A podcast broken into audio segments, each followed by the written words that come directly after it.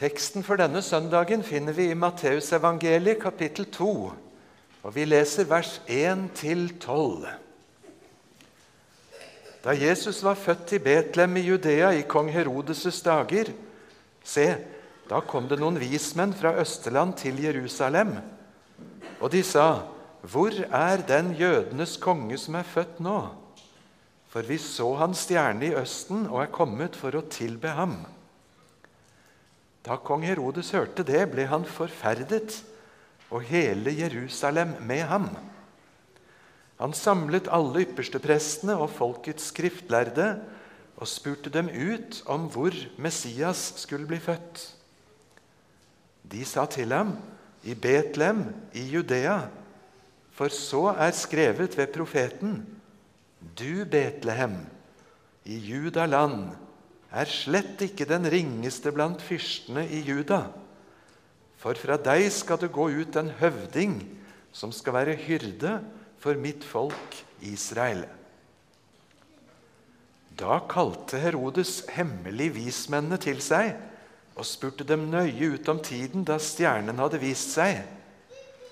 Så sendte han dem til Betlehem og sa, Gå av sted og spør nøye ut om barnet, og når dere har funnet det, da meld fra til meg, for at også jeg kan komme og tilbe det. Da de hadde hørt hva kongen sa, dro de av sted. Og se, stjernen som de hadde sett i østen, gikk foran dem inntil den kom og ble stående over stedet der barnet var. Og da de så stjernen, ble de over all måte glade.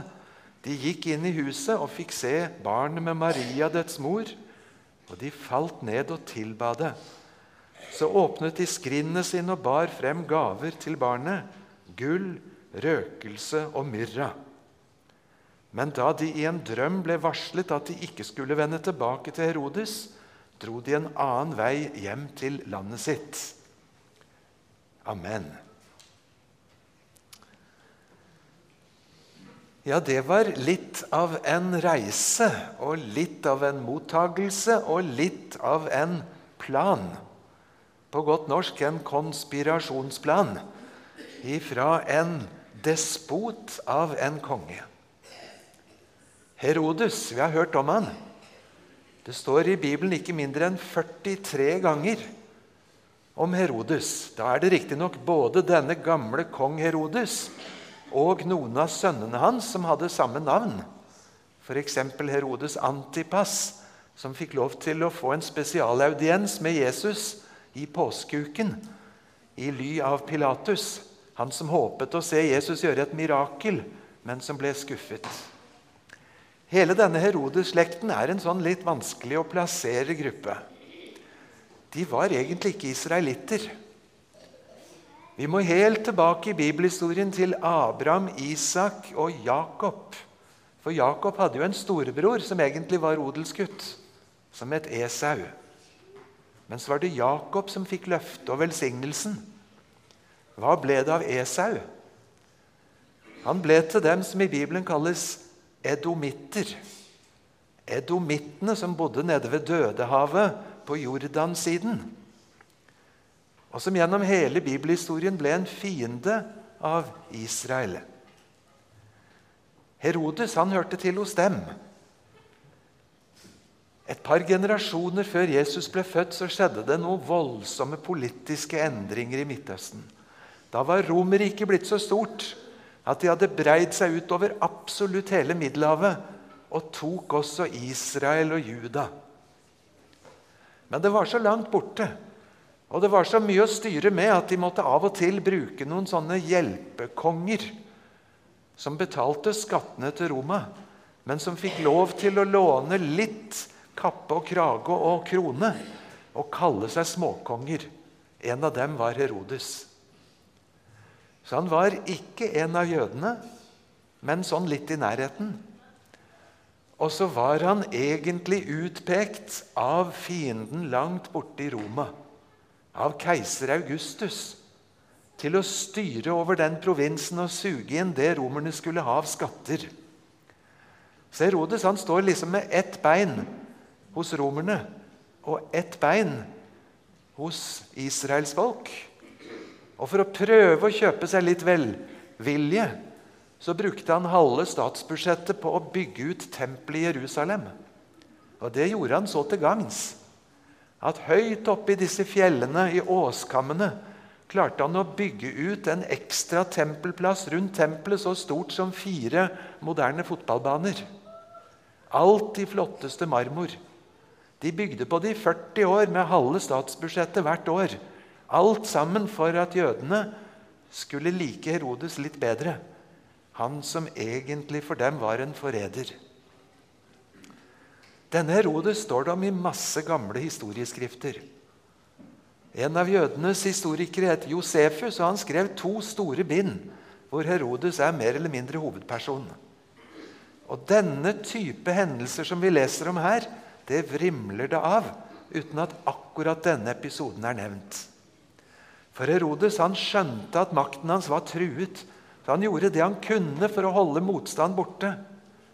Og han var så grusom at når han ante at noen av hans egne sønner ble store nok og dyktige nok til at de kunne yppe seg og si at nå var det tiden de kunne overta, så lot han sine egne sønner drepe for at det ikke skulle komme en kronprins som gjorde ham rangen stridig.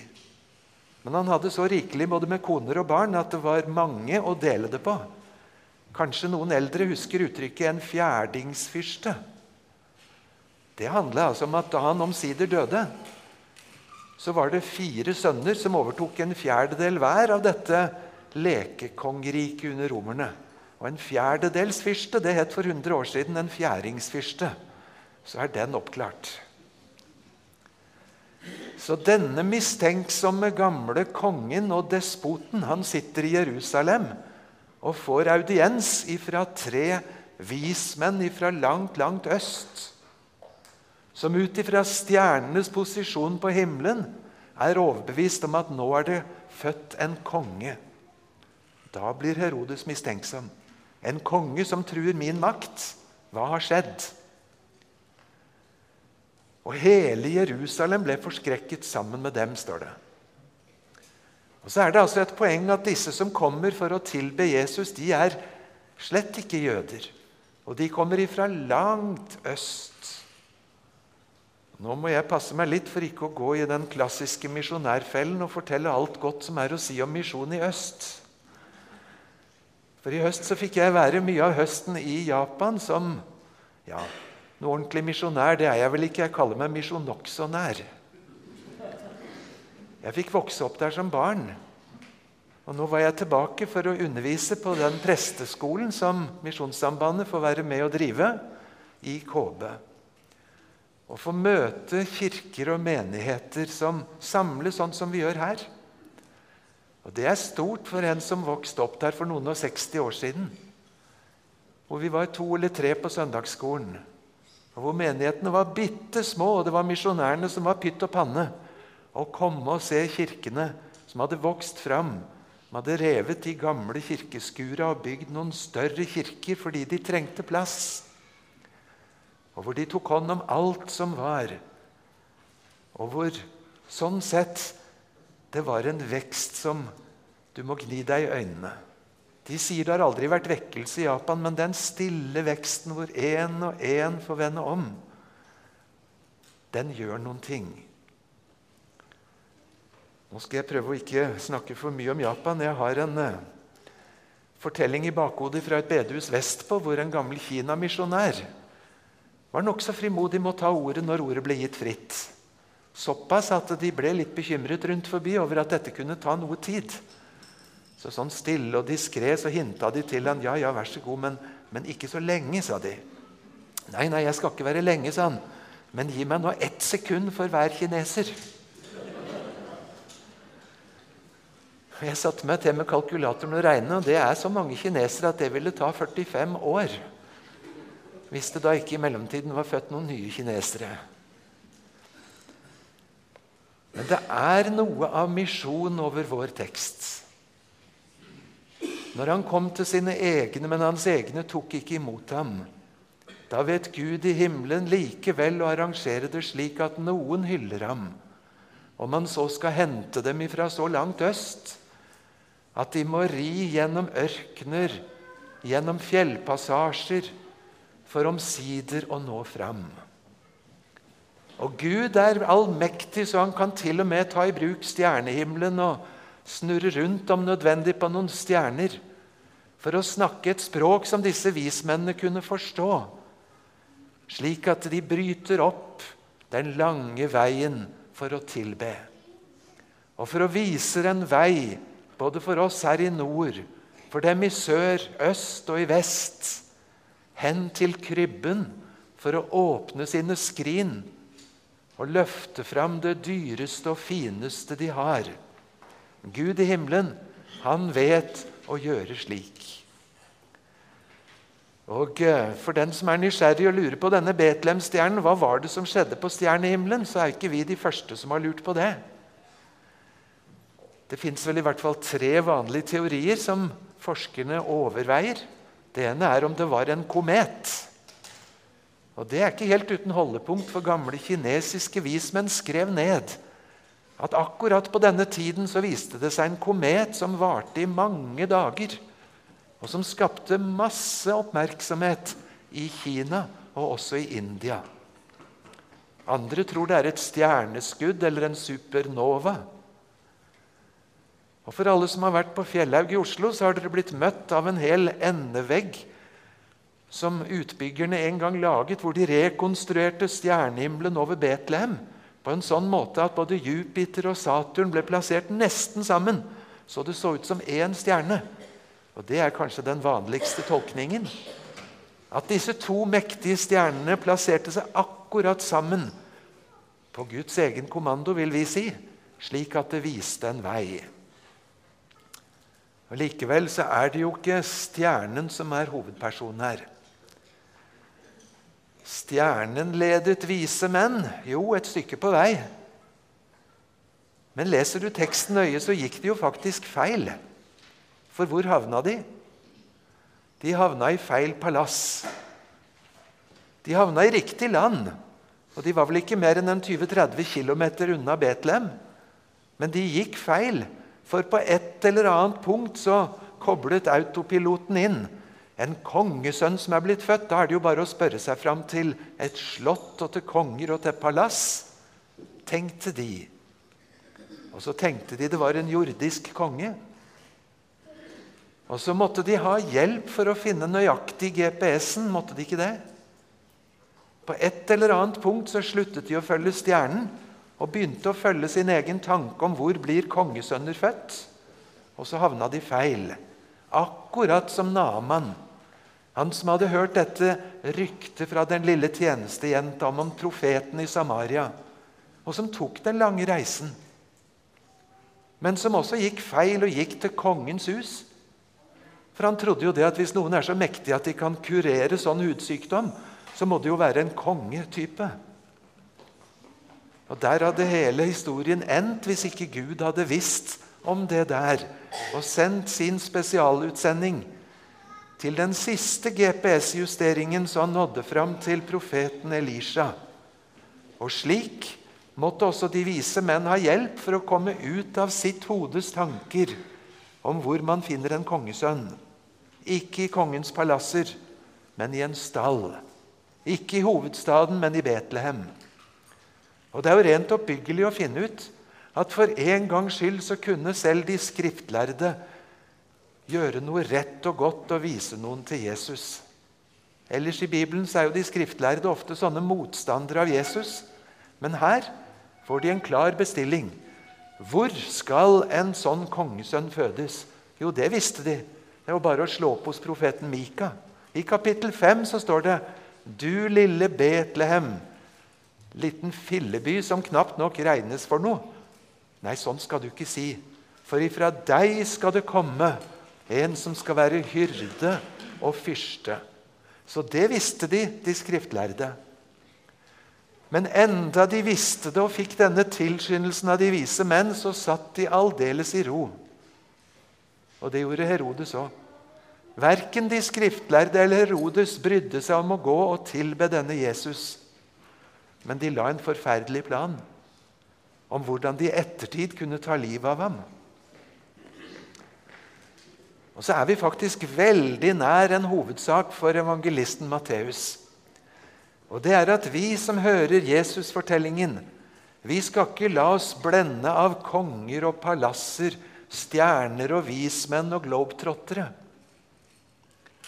Men vi skal se alle disse hendelsene i lyset fra Det gamle testamentet.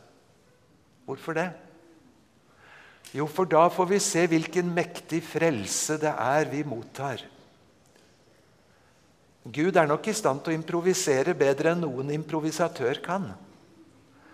Men frelsen den er planlagt ifra evighet av. Og så har Gud selv gitt oss noen sånne budsjettlekkasjer. Noen sånne profetiske hint. Det skal komme en, hans stjerne, som en løve. Han skal ri på en eselfole. Han skal verdsettes til 30 små sølvpenger. Han skal bli født i Betlehem. Konger fra Sheba og Saba skal komme med sine kameler. De skal falle ned og tilbe og åpne sine skrin. Han skal få gull og virak når de kommer og tilber. Og Så jobber Matteus i 28 kapitler på overtid med å gi oss det med teskjeer. Alt dette skjedde for at det skulle bli oppfylt som var talt ved profeten. Og så siteres det. Og så ser vi på et dusin steder noen sånne fantastiske korrespondanser. Hvorfor er dette viktig? Jo, det er viktig fordi du og jeg skal vite at den frelse som vi tilbys ifra Herren selv, den er vel planlagt, vel utført. Det er Guds egen plan. Veien like fram til eselet, til Pilatus, til korset, til graven, men også videre i oppstandelsen. Alt sammen er forutsagt. Måtte ikke Messias lide dette? Skjønner dere ikke når dere leser? Og så har ikke Gud gitt oss Gamle testamentet med 1000 sider, verken som tidtrøyte eller bare som stor litteratur. Ikke bare som bakgrunnskulisser, men som en hær av vitner som roper fram til oss denne Jesus som blir født. Han er himmelens konge. Han er frelseren. Han har Gud sendt for at du og jeg skal kunne vite det sikkert. Slik ordner Gud din og min evige frelse. Og Grunnen til at disse tre vismenn kalles konger, det er altså fordi det er en sånn profeti både i Salme 72 og i Jesaja 60, som vi hørte lest tidligere, som sier det skal komme noen fra de steder som skal tilbe og hylle denne Messias. Og Så kan vi liksom lese Bibelen med piler både fra Gamle testamentet til Nye, og noen ganger fra det nye tilbake til det gamle. Og så blir det så mange tråder som bygger det sammen og så stiger det frem en mektig frelser. Hvilken Jesus er det som møter oss i denne teksten? Vi fikk tre stikkord. Jødenes konge, fyrste og hyrde. Og Det er tre flotte ting å si om Jesus. Det er jo Mange som liker Jesus og har lyst til å si noe bra om han. Jeg så et sted at eh, noen som driver med markedsføring ute i verden, de skulle kåre tidenes markedsføringsgeni. Og De kom til at det måtte være Jesus. Ingen gjennom historien har klart å markedsføre noe på en så klassisk måte som Jesus, f.eks. med lignelsene, og også med måten han opptrådte på. Og så er det mange som liker Jesus. Og så danner det seg mange bilder av hva Jesus skulle. Da Jesus hadde mettet 5000 ute i en ørken, så ble folk så vilt begeistret at de kom og ville ta med makt for å gjøre ham til konge. Og Da tok ikke Jesus anledningen. Tvert imot. Han trakk seg til side og gjemte seg bort. For han var ikke kommet for å være en brødkonge. Da noen ba om et tegn, så hadde det vært den minste kunst for han og snurre opp ned på hva det måtte være av naturlover. Men Jesus ville ikke være en brødkonge, men en hjertekonge. Og På side 1 i Nytestamentet, rett foran vår tekst, så står det ord for ord hva himmelen definerer Jesus som. Du, Josef, ikke vær redd for å ta Maria til deg, for barnet hun skal føde. Han skal frelse sitt folk fra Hva står det? Tenk om det hadde stått For han skal frelse sitt folk fra romerne. Det hadde vært noe som solgte godt.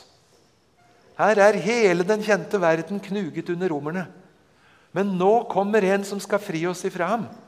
Begeistring og jubel. Men det står ikke det at du skal gi ham navnet Jesus, for han skal frelse sitt folk fra romerne. Hva står det? Du skal gi ham navnet Jesus, for han skal frelse sitt folk fra deres synder. Der har vi saken. Når himmelen skal stille diagnosen, da er ikke problemet bare noen romere som okkuperer et annet land, så galt enn det er. Da er ikke problemet bare det som omgir oss av alle problemene. For når alt dette er omme, og den kampen er utkjempet, så står den viktigste kampen igjen innenfor himmelens domstol. Når Herren spør om vi har levd slik vi har plikt til å gjøre. Da stenger syndene våre veien til himmelen. Hvis ikke vi har en mellommann, en frelser, en soner. Og så setter himmelen hele verden i bevegelse for at det skal kunne skje. Det skal komme en Jesus som skal frelse sitt folk fra deres synder med virkning og varighet like inn i et nytt 2023. Med virkning nesten opp til Nordpolen, her vi bor, til den ytterste Østen, eller hvor det måtte være. Og så er ikke Jesus bare en supernova eller en Jesus Christ superstar. Han er ikke bare et forbilde for markedsfører eller filosofer. Han er frelser min. Han er frelser min. Jeg vet nesten ingen strofer rundt juletreet som jeg er mer glad for å synge. La meg si det her hjemme rundt juletreet. La meg si det hvor det måtte være. Han er frelseren min. Han kom med alle disse omstendighetene vi så, for å frelse sitt folk fra deres synder. Nå prøvde jeg å dra pilen helt bakover i Gamle testamentet. Og Jeg har lyst til å dra en pil helt til den siste boka i Bibelen også, før vi skal runde av. For i Johannes' åpenbaring kapittel 12, som er et merkelig kapittel som en kan lese 100 ganger og fortsatt klø seg litt i hodet Hva betyr nå dette? Der har vi noen glimt som treffer akkurat det vi har i vår tekst. For i Johannes' åpenbaring 12 der får Johannes plutselig se en kvinne som er høygravid. Og hun skal føde et barn. Og hun har så original innramming som at hun var kledd i solen og med stjernene under sine føtter, med månen. Og hun skrek i barns nød. Og så sier Johannes ved siden av denne kvinnen så fikk jeg se et annet syn. En forferdelig drage med sju hoder og ti horn og med en voldsom hale som var så stor at den klarte å sveipe med seg en tredjedel av himmelens stjerner og rive dem ut av himmelen så de mer eller mindre krasjlanda på jorden. Og denne fryktelige dragen med den voldsomme kjeften åpnet, stiller seg klar for å sluke det barnet som denne kvinnen skal føde. Men det klarte han ikke. Johannes sier barnet ble rykket bort ifra dragen til himmelen, til et trygt sted. Og Da ble dragen dobbeltsint og satte i gang med å skulle forfølge kvinnen som fødte, og de andre av hennes barn. Og så måtte himmelen gripe inn med en voldsom hendelse som fikk jorden til å revne. for at dragen ikke skulle makte det. Merkelig fortelling. Merkelig måte å fortelle om Jesu fødsel på. Med motstander ikke bare som en kong Herodes, men som en Satan, dragen selv. Som ypper seg til å ta oppstilling like innenfor Guds himmel for å sluke Jesusbarnet. For han visste at denne Jesus er det store vendepunktet. Og så er det en tvekamp mellom Gud og Satan. Og så er det Herren selv som må gripe inn og redde dette guttebarnet. Og I Johannes' åpenbaring 12 så står det om guttebarnet at det er han som skal styre folkeslagene med jernstav, som en Messias-profeti. Nå skal vi la Johannes' åpenbaring 12 få ligge igjen, men bare for å vise hvordan det vi feirer ved julen, at Jesus kom til jord og ble født, det summerer opp trådene fra hele Det gamle testamentet. Nå skjer det. Og På Bibelens siste blad så står det også om vendepunktet som kom da denne Jesus ble født. Og Det er jo fantastisk at vi i det sekulariserte Norge fremdeles sier år null. Det er da Jesus ble født. For det som står i vår tekst, er så viktig at hele verdenshistorien må skrives på nytt. Alt som har skjedd før, det er liksom bare sånn trommevirvel på vei opp mot det som smeller til og skjer. Og etterpå så er det regnet i år etter Kristi fødsel. Neste gang du skriver en datering et sted, gjør det med glede og med takk til Gud for det vendepunktet som kom da Gud sendte Jesus til jord. Han er frelser min. For han skal frelse sitt folk fra deres synder. Jeg lærte på søndagsskolen at jeg skulle sette navnet mitt inn for å skjønne hva det betyr. For han skal frelse Sverre fra sine synder. Og Så slutter altså teksten med disse vismennene som åpner skrinene og løfter fram både gull og røkelse og myrra. Hvordan kan du og jeg tilbe Jesus?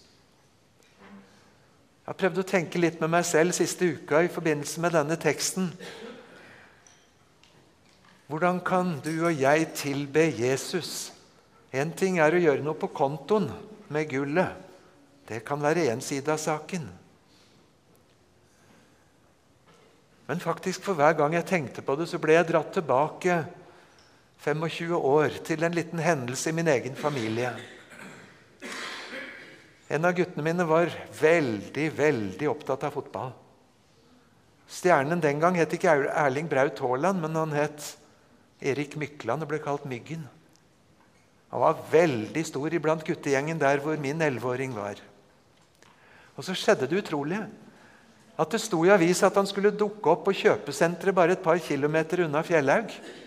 Og så skulle han dele ut forskjellige effekter og signere og skulle møte fansen. Og det ble meg som tok med min gutt og noen nabogutter og skulle kjøre bort og kanskje være så heldig å komme i nærheten av det store fotballidolet. Så spurte jeg i bilen bortover der hvor guttene satt kjempespente i baksetene. Hvis dere får møte han, hva vil dere si da? Hva vil dere spørre om? Og Så sa elleveåringen, da vil jeg spørre myggen, er du glad i Jesus? Da måtte jeg svelge et par ganger. Så fint.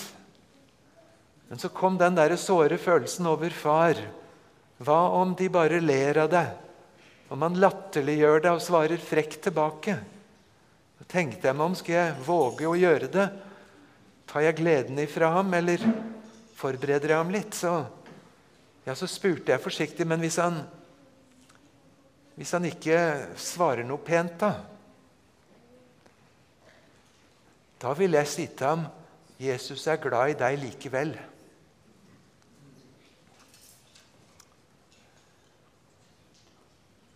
Det står for meg som en måte du og jeg skal få tilbe Jesus.